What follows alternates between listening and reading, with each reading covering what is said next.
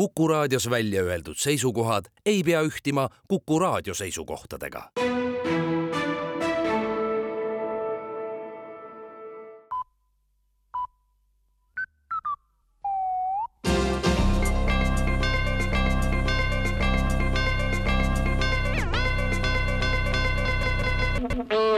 tere kuulama uudiseid stuudios Rohke Debelak. Eesti majandusele keerulisel ajal on ka positiivseid sõnumeid, sest mitmed maailma juhtivad autotootjad on ilmutanud huvi tehase rajamiseks Eestisse.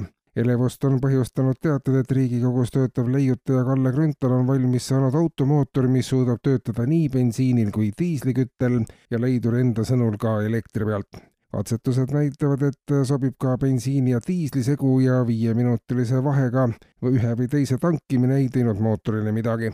Kui Grünthal mootorisse joonisti järgi ehitatavad automootorid jõuavad laiemasse kasutusse, toovad need patenditasudena Eestile tulevikus sadu miljoneid eurosid. lisatulu prognoosib Majandusministeerium ja veel rahast. Euroopa Komisjon on teinud riikidele mitmeid ettepanekuid palkade läbipaistvuse ja võrdse palga saavutamise osas ja Eesti sammub siin mitmes valdkonnas esirinnas, märgib valitsuse teade. Meeste ja naiste võrdse palgataseme suunas liigutakse, kuid palkade läbipaistvuse osas on toimumas kõige kiiremad muutused.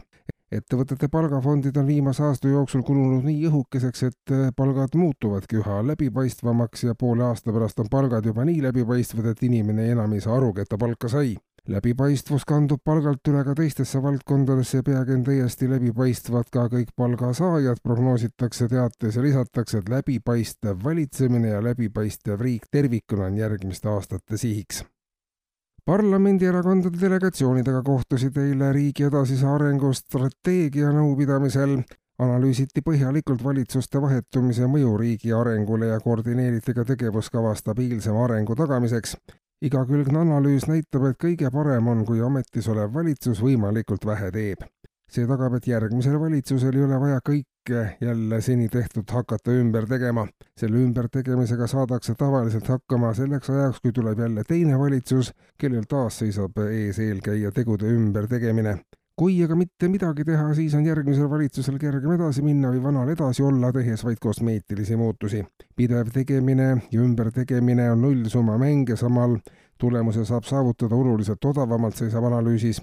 suurem osa poliitikutest on olukorras tegelikult ammu aru saanud ja ei teegi midagi ja nii on oma riigile kõige suuremaks toeks, märgitakse delegatsioonide lõppseisukohas ja korterivargustest. eile kella üheksateistkümne ja kahekümne ühe vahel õhtul murti sisse NATO peakorterisse ja varastati M-suurusest talvejoope ja akulaadija. õhtul töölt koju jõudnud korteriperemees hindas kahju enam kui kolmesaja euro suuruseks. uurimise tulemusena on praegu peamine versioon see, et teo kordasaatjateks võisid olla vargad. kuulsite uudiseid